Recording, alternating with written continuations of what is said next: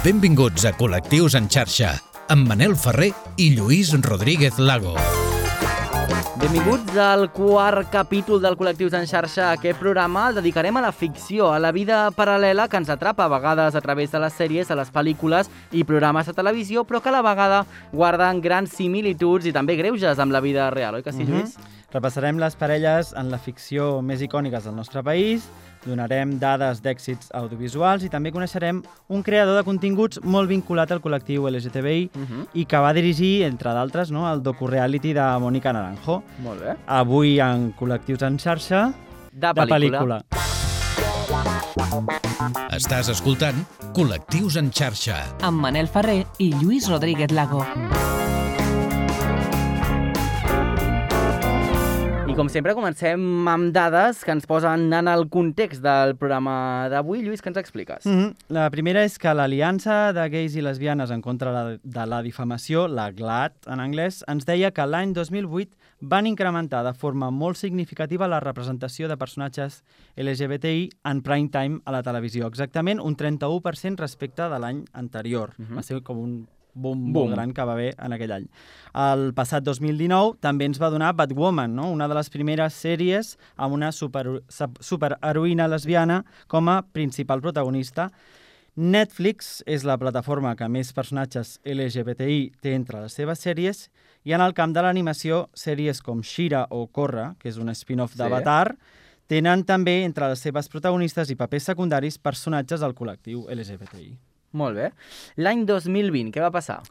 Ens va deixar una cosa bona, i és Bé. que la sèrie La Veneno no només va ser un èxit a l'estat espanyol, sinó que, a més a més, també ho és als Estats Units. I està sent al·lucinant, eh? Més enllà de, de, dels camins que està obrint aquí, dins de casa nostra, també que fora, no? Es uh -huh. conegui d'alguna manera la imatge, no? I, I el que va fer La Veneno a la seva manera, la no? Seva Segurament manera. ho podríem discutir més o menys, no? Les fórmules, però la seva manera doncs, sí. també va ser molt eh, referent. Després també les comentarem, però dins de les ficcions espanyoles apareixen uh, diferents parelles uh -huh. que s'han convertit en incògnites dins del col·lectiu. Per exemple, al Salir de classe eh, mm. es va poder veure el primer petó gay en una sèrie espanyola. Els protagonistes van ser Rubén i Santi, uns joventíssims Alejo Saures i Bernabé Fernández, i també a la sèrie Aquí no hi quien viva van poder veure Fer i Mauri, una parella mm. gay, i que va ajudar a través de l'humor a trencar molts dels tòpics sobre els col·lectius homosexuals, que de fet estic tornant a veure la sèrie des del principi, sí. i és molt curiós els diàlegs que ara els veig i em semblen com molt greus alguns, no? Clar, o sigui, que passa, les referències això, que fan passaria, és, ostres, sí, sí, que, que tremendo. Ara parlàvem justament d'això, però també amb temes relacionats de les parelles, de, de la convivència, del matrimoni, no? Que a vegades hi ha greuges que dius, ah, lògicament és una ficció, sí, però que, que sobten, no? Uh mhm. -huh. També Esther i Maca a Hospital Central van convertir-se en la primera parella lèsbica de la televisió i les dues van casar-se a la ficció a l'any 2005 i justament quan feia pocs mesos que s'havia aprovat el matrimoni entre iguals en el nostre país. Perquè els pols oposats també s'atreuen. Escolta col·lectius en xarxa. Nosaltres seguim aquí amb mm -hmm. vosaltres parlant de la comunitat LGBTI que segueix creixent. Sí, però creix sense gaires referents durant la seva infància, no? I fa uns anys, per exemple, quan jo era més petit o tu també, sí. no? Eh, podríem dir que, sense, sense por equivocar-nos, que els nens i les nenes creixíem sense referents LGBTI no ja entre els protagonistes de les nostres sèries d'animació preferides, tampoc entre els secundaris. Uh -huh. La conseqüència de tot això és que una persona trans, un nen gai, una nena lesbiana, etc, creix pensant que potser no hi ha ningú com ell o ella i pot arribar a pensar que el que és o el que sent està malament. Els nens i les nenes del col·lectiu creixen perduts per aquesta falta de representació i quotidianitat i això els pot portar a desenvolupar problemes greus. I és que els intents de suïcidi entre els joves LGTBI són de 3 a 5 vegades més nombrosos que entre els joves en general. De mitjana se suïciden 50 joves cada any a l'estat espanyol i uns altres 950, que es diu ràpid, ho, ho intenten. M'arriben gairebé els, els 1.000 i igualment els suïcidis 50 joves per a aquest tema. Jo crec que també, i a més eh, recordo un dels primers programes que vam fer mm. amb uh, l'Alan, que ens ho explicava, un dels nostres convidats, uh, que ho deia, que no saps ben bé tampoc a on adreçar-te, no? I, mm -hmm. I mhm. qui és el teu referent? És a dir, sí que veus persones, doncs, youtubers, gent de les xarxes, però falta un parlava, punt, no? Una referència. youtuber, mhm, exactament. Mm -hmm. sí, sí. sí, sí. Doncs això a vegades també passa, i de fet el, el posaves, eh, també, de, de mm -hmm. referent, eh? Exacte, sí, sí. Eh, Avui muntarem en un DeLorean per fer un breu viatge per la ficció de l'estat espanyol i també catalana i parlar una mica de com ha anat evolucionant els personatges i les trames LGBTI en els últims anys. Molt bé.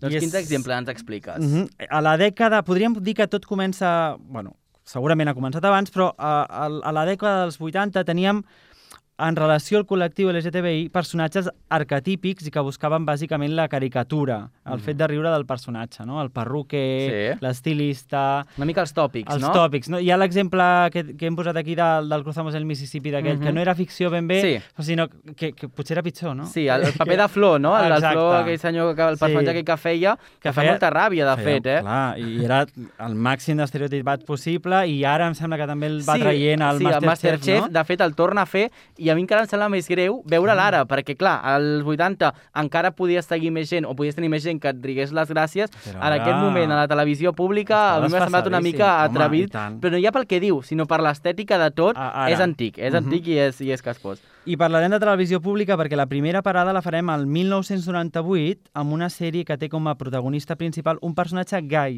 I això és interessant perquè no ho tornarem a veure fins molt més endavant. La sèrie es deia Tio Willy. Jo he fet aquí un treball de recerca per, per saber Molt tot gran, això. eh? T'ha costat per això trobar referents a anys enrere, vull dir? Mm, M'ha costat una mica. Una M'ha miqueta. costat una miqueta, sí, sí. Doncs aquesta sèrie Tio Willy té per actor el protagoni de, uh, per actor protagonista, perdona, l'Andrés Pajares, uh Mhm. no? que d'altra banda venia de fer d'Ai senyor, senyor, Ai senyor, senyor, que Sí. era capellà, i es va emetre a la televisió espanyola. Eh, tot i que ara mateix aquesta sèrie ens, grinyo, ens grinyolaria per tot arreu, en aquella època eh, l'agrupació de telespectadores i radioyentes va alertar, i llegeixo textualment, sobre la socialmente indeseable magnificación de conductas patológicas cuyas consecuencias en víctimas infantiles y adolescentes saltan con dramática frecuencia en los medios de comunicación.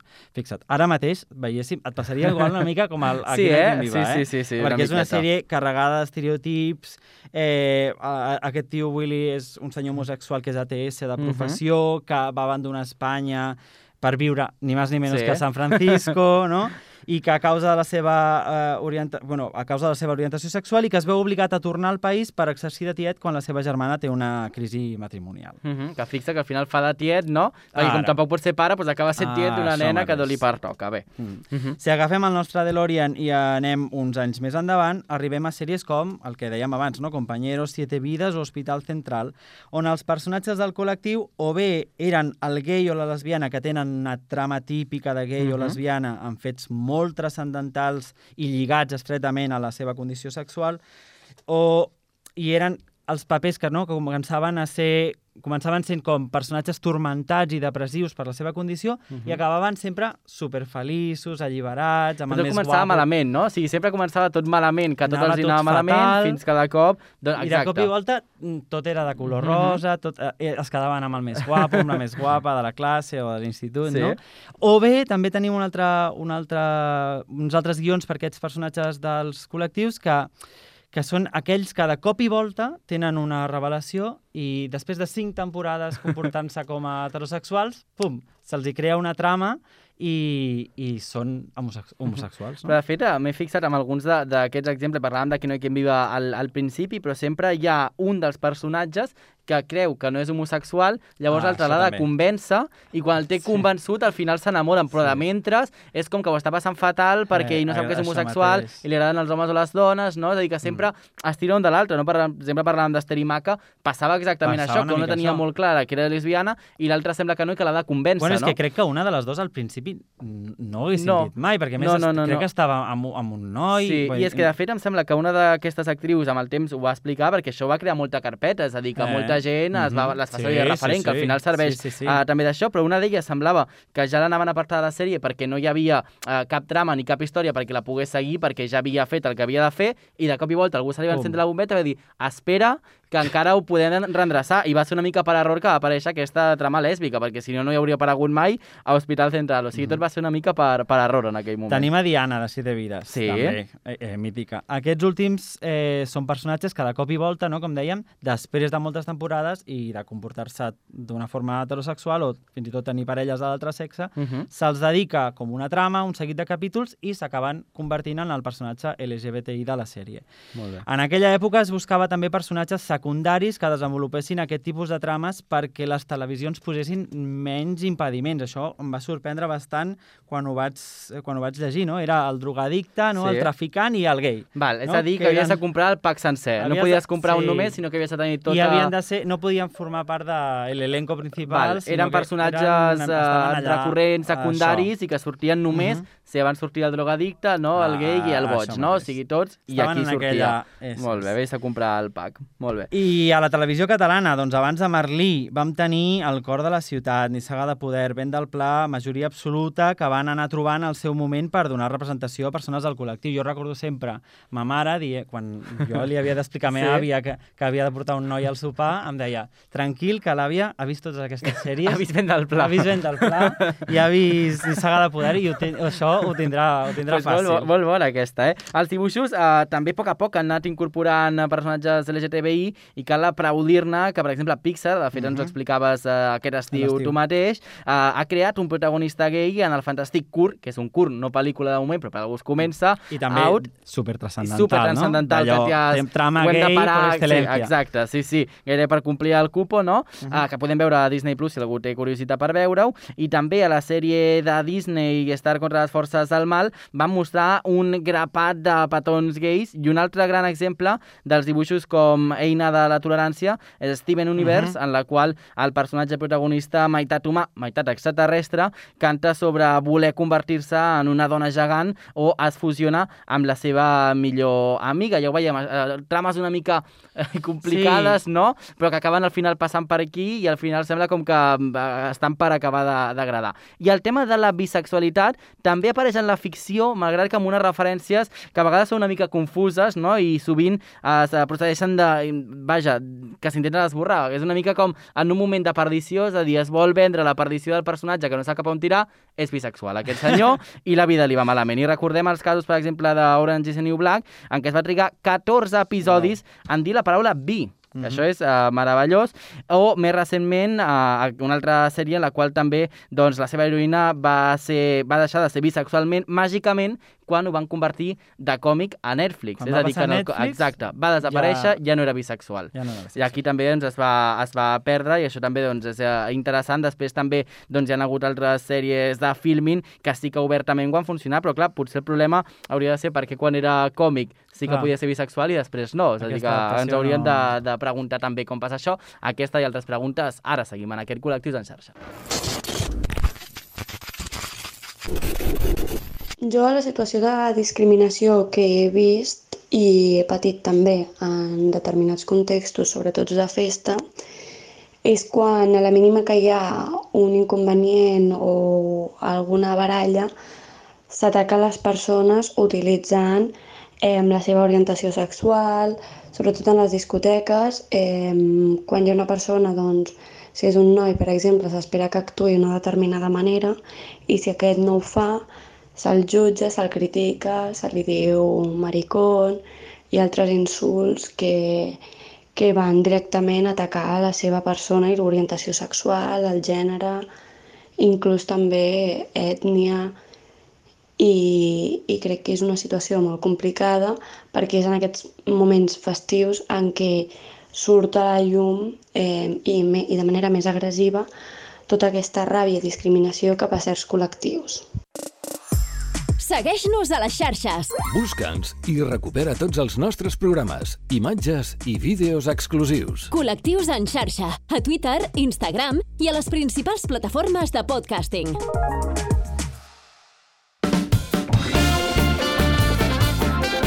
Com a cada programa, comptem amb un convidat que, entre d'altres coses, ha fet sèries per YouTube i que estan molt lluny de les sèries, Manel, que, de les que parlàvem sí. a la primera meitat del programa, perquè hi apareixen persones molt diverses, per exemple, vivint el confinament que vam haver de viure totes i tots el març passat. Saludem en Miguel Bosch. Hola, Miguel. Hola, buenas, què tal? Hola.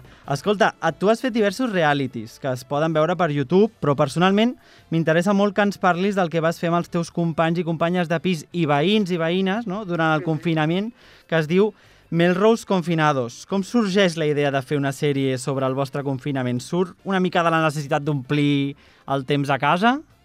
Pues totalmente, la verdad, porque eh, no soy nada de estar encerrado y fue eso o, o saltar por el balcón.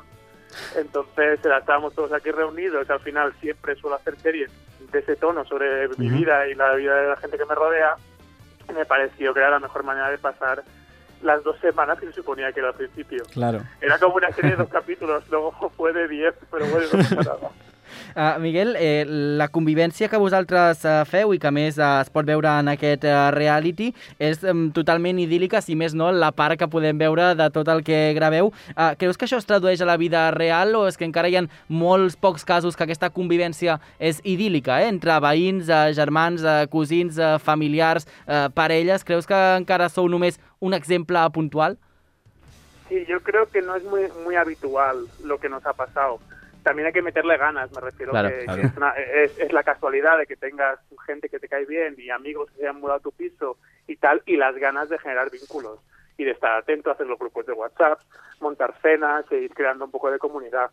Mucha gente podría tener este tipo de vida, pero uno, no le apetece nada porque no le gusta nada que la gente se meta en sus casas, como pasa en mi, en mi finca, y, y dos, que, que no se dé el caso de que la gente te cae bien o no hagas el esfuerzo. Ja, ja ens ho has dit una miqueta abans, però tu no, no veies al final de, de tot això com un propòsit darrere una intenció de comunicar alguna cosa? No, era plenamente catarsis al final, porque porque sí que íbamos reflexionando sobre los temas, pero lo hacíamos muy para nosotros. Uh Que dices, pues ¿para qué lo publicas? Pues no lo sé, lo publiqué pues por publicar. Pero era era más que nada un juego interno, a mí me gusta mucho editar y grabar y, y era la manera de, pasar ocho horas más o menos o siete horas al día metido en algo. Y luego también sí que el propósito que puede ser que tuviera fue ayudar también a la gente de aquí, del, del- a los vecinos, ¿no? Porque al final había gente que lo estaba llevando un poquito peor y el hecho de obligar a, venga, vamos a rodar tal escena, vamos a hacer no sé qué, vamos a hacer este juego para hablar de tal tema, hacía que la gente se motivara un poquillo más. Viviu amb un doctor que durant els mesos més durs de la pandèmia va estar a primera línia i a la sèrie us pregunteu com gestionar la convivència amb ell i amb les seves circumstàncies laborals. Com va ser això? El, el fauno, ¿no? Lo llamáis? El, el fauno lo llamamos pobrecito. Sí, la verdad es que, es que es un médico tranquilo. Hay como dos tipos de médico con la pandemia, los que son eh, sufren muchísimo y te meten mucho miedo y la gente que va con más calma. Gracias a Dios, el fauno era de la calma. Siempre nos bajaba un poco el nivel, tranquilos, no sé qué. Hubo un par de días que vino desencajado del hospital, la verdad. Claro. pero Está todo muy chungo, pero intentaba siempre darnos mensajes de esperanza y que no pasa nada y tal, y, y- y guiarnos para que hiciéramos las cosas bien. Le metimos en una zona de una, de una casa, encerradico, y hablábamos con él por el balcón. Y ya está. Bueno, està molt bé. Escolta'm, en aquesta convivència t'haig de dir que el Lluís està molt ficat en tots els teus realities, Ai. o sigui que se'ls segueix de dalt a baix, però jo vaig ser una de les persones que va veure el docu-reality Mònica i el sexo, que estava protagonitzat per la mateixa Mònica Naranjo, Anita Joven, Mhm. i tu mateix, en les diferents entregues, que les vaig veure totes, anaven molt tard, ho hem de dir, però jo m'esperava a l'hora que sortissin per, per veure-les. Uh, Molt ella bé. mateixa, la Mònica Naranjo, uh, parlava avui, de fet, veu dedicar un capítol a parlar de la seva orientació sexual i ella mateixa deia, i ho tractava amb molta normalitat, explicant que havia estat amb homes i també amb dones, però que no volia definir-se amb cap etiqueta. Creus que existeix una pressió social uh, perquè les persones es defineixin sobre els seus gustos? És a dir, soc homosexual, soc heterosexual, soc bisexual? És a dir, la societat et segueix demanant encara que et defineixis? Yo creo que la sociedad necesita a unas etiquetas porque no está todavía entendido. Entonces Ujú. tenemos que, que tener un nombre como, como colectivo, ¿no? Porque si no nadie te va a escuchar. Mónica es más de la ah, antigua escuela. Y yo amo a las personas. Para mí, una vida de una persona que ama a gente del mismo sexo es muy distinta a una vida de una persona que ama a gente del sexo contrario. Claro. Con lo que tiene que nombrarse, tiene que decirse y tiene que etiquetarse, para mí. De fet, en aquests eh, episodis hi veu crear molt bona sintonia. No sé si després l'amistat amb la Mònica Naranjo ha seguit amb el pas del temps, però sí que és veritat que es veia moltíssima eh, diferència, perquè malgrat que parlàveu de temes a vegades eh, que anaven molt avançats o que estaven molt evolucionats, realment Mònica Naranjo, com tu deies, representa encara eh, en gran part doncs, eh, una mica el, el passat, no? que està una mica doncs, visquent més al passat que no al, al, al present. Jo no sé si al final d'aquesta experiència, més enllà del que vam veure per la tele, veu arribar a conclusions comunes i veu arribar a, a acords sobre coses que passen a la, a la vida real, més enllà del que vam veure a la tele. És a dir, ella va acabar entenent una mica perquè quan arriba a casa vostra, per ella és com si hagués entrat a una nau espacial. No sé si un cop va acabar aquesta experiència televisiva eh, veu arribar a acords sobre la vida. Lo que tiene Mónica es que acepta todo al final. Tú le explicas y ya, aunque parte de otro lugar o tenga otras cosas preconcebidas, uh -huh. lo acaba entendiendo todo. Entonces sí que nos entendió y tal. Luego, mmm, como que se han borrado de memoria cuando pasan muchos meses ya. y hay que volver a quedar con ella y explicarlo otra vez. Hacer un F5 y, y, y, actualizarlo, ¿no? Ahora, de ser pero, pero vamos, sí. vamos, quedando con ella, vamos viéndola y, y todo en orden. Molt bé. Miguel, jo, jo vuelvo al Melrose sí. eh, i també viviu amb, amb Juan Diego, no? que és psicòleg i a més és l'alter ego de personatge-personatge, que des del primer moment va dir que prioritzava compartir efectes, no renunciar a tocar-se, estar junts, assumint riscos, no? I fins i tot ho extrapolava a través d'Instagram i eh, va iniciar allò d'explicar contes en línia. Uh -huh. Ell parlava de donar sentit a la innegociable estada a casa, no? que va suposar el confinament. Com va ser per la resta? Us ajudava realment amb les seves reflexions? Pues la verdad que funcionó como psicólogo, sí que hizo un papel importante, yo creo. Uh -huh nos dio como la calma y, no, y, nos fue como poniendo las cosas un poquito asentadas. Hizo algunos juegos de hacer un dibujito sí. que tú luego te analiza y tal. Y su manera de entender lo del contacto, pues era muy compartida, la verdad. En todo momento pensamos que era importante mantener esos, ese, eso, esa cosa mínima de, de, del cariño y tal, porque si no te vuelves loco, al menos nosotros.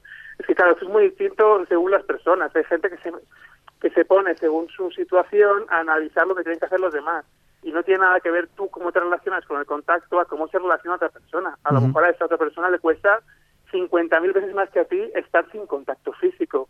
Tienes que entender que cada uno ponga sus límites uh -huh, claro. dentro de una responsabilidad, pero que cada uno pues tenga un poco su, su baremo. -huh. Ara en Lluís et preguntava per, per això, per als límits de, de tocar-nos, d'abraçar-nos, de fer-nos petons durant aquesta uh, pandèmia, però jo volia preguntar per uh, com serà la continuació, és a dir, quan puguem tornar a la normalitat, uh, com creus que recuperarem aquesta part uh, afectiva? Yo creo que esto a la que estemos tranquilos unos meses se nos olvidará y será como antes. Mm -hmm. Muy bien. tenim poca memòria, eh? Per tot, però també per Yo aquestes coses. Tenemos poca memoria, sí. sí. Se guardará a lo mejor las mascarillas en el metro o algo así, pero uh -huh. yo eh, creo y espero que sea así. Hi ha un moment de la sèrie que per mi és bastant clau en el que mm, l'Anita Joven i tu parli, parleu de, de les vostres parelles no? i de que vau haver de decidir amb, amb la vostra parella on passaríeu la quarantena. Aquí moltíssima gent es va trobar en aquesta situació, no? Com va ser aquest punt per la convivència? Pues hombre, fue complicado porque yo me tenía una pareja hace relativamente poco y uh -huh. no estaba en mis esquemas de convivir con esa persona y pasábamos, yo qué sé, tres días seguidos máximo. Uh -huh. Y claro, de repente te ves envuelto en eso sin decidirlo. Porque, ay, bueno, voy a tu casa, ay, no se puede salir, bueno, pues, ah, pues quédate, bueno, pues con dos semanas, pues si estás tres meses, claro. y, y pues tienes que plantearte la pareja de nuevo, hablar muchísimo más, pero bueno, en mi caso fue muy bien, y en el caso de Anita, más todavía, que después de la experiencia le pidió a la chica que se viniera a vivir con ella y ahora está viviendo en Melrose, la novia de Ana. Oh. O sea que en nuestro caso fue muy bien, pero yo entiendo que hay parejas que habrá sido esto claro. bueno, felicidades eh, a, la, a la pareja. A, en, en un moment donat, a, tot, i que, tot i que comença, em, de, ens deies tu, no?, que comença aquesta sèrie sense gaires pretensions, doneu visibilitat a una dona trans que va exercir la prostitució i fins i tot parleu dels preus de lloguer, eh, que després se n'ha parlat molt. Després aquest any ha estat l'any de la, l'any passat ha estat l'any de la Veneno, també han, estat, han sortit coses re, referides al lloguer a Barcelona. Vull dir que al final hi, hi va haver alguna cosa aquí al darrere. O algunes ganes de que hi hagués alguna cosa aquí al darrere. Bueno, al final eran reflexiones, no sé, y una cosa te lleva a la otra, sin, sin dar más. El tema de, sí que hicimos un capítulo dedicado a la, a, a la gente en la que no sueles pensar, porque todo el mundo piensa, ay, mi uh -huh. madre, ¿cómo estará? ¿Cómo estará mi tía? ¿Cómo estará mi no sé qué? Pero y esa gente en la que no pensamos, que es la gente que no tiene casa, la gente que tiene una situación eh, muy desfavorecida, pues de allí pues hicimos un capítulo que, que fue el capítulo que pensó Juan Diego, uh -huh. personaje a personaje, claro, al final, pues sí, fue, fue es el y uno de los capítulos que tenemos, porque ahí me sacó incluso de, la, de donde yo estaba, de la zona de tranquil·litat, de confort, i m'hizo pensar más allá. Uh -huh. I no sé. Vosaltres vareu posar paraules a aquells comportaments no, que, que hem fet les persones que volíem, posar volíem ser responsables, però que al final sempre pues ens acabàvem saltant una norma o una altra, no? I li vau dir desobediència responsable, que a mi és un, és, és un concepte que, que m'ha fascinat bastant. com us trobàveu amb això? És, és incompatible ser perfecte en, aquest, en, en el cas aquest del confinament o complir les coses a rajatabla que, diu, que dicen? Yo creo que es imposible, la verdad, si quieres estar sano de cabeza. Y aquí, por ejemplo, Ana es muy, muy responsable, muy de normas, de tal, le han dicho, y lo pasaba fatal la mujer, porque era como, ay, ya hemos visto al vecino de arriba. Y, tal, y era como, mira, no pasa nada. Hemos ido a la terraza de arriba y, según había una normativa que no se podía subir al terrado de tu casa. Era como, a ver, Ana, por favor, estamos todo el día aquí juntos, viviendo en la casa, ¿qué más da que estemos aquí abajo que arriba tomando el sol? Es, que es una cosa de lógica.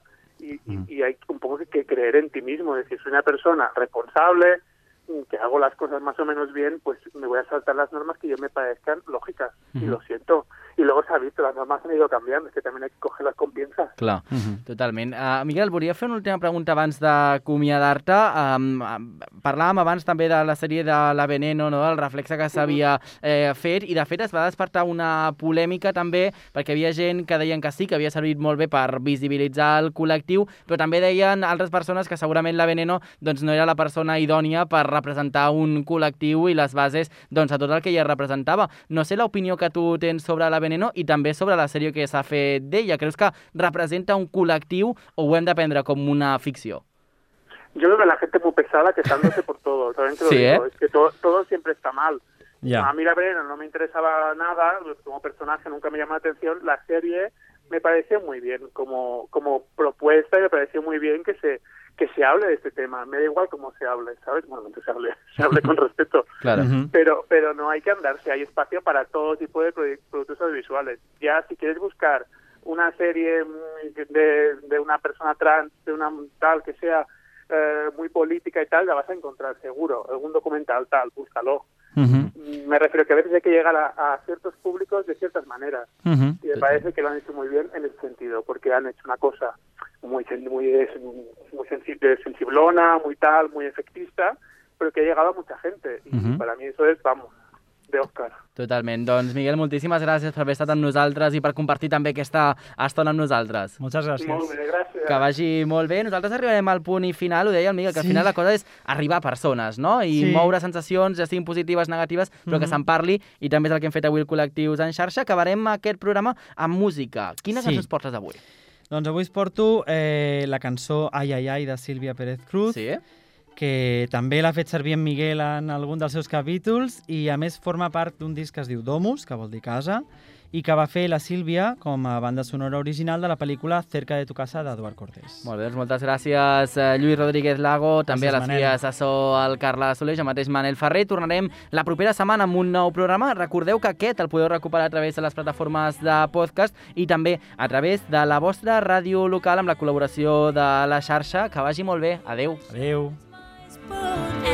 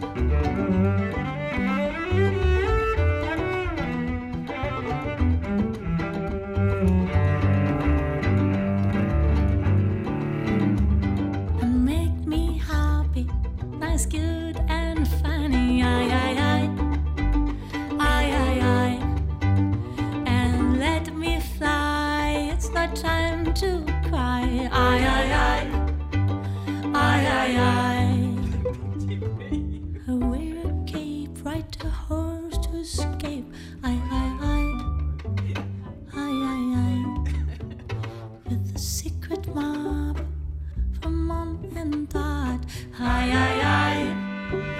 Hi, hi, hi. And live my room, my shirts, my spoon, and live my mom, my dolls, my walls, and live my bed, my beer, my bread. I'll jump to the sun, and you will not catch me.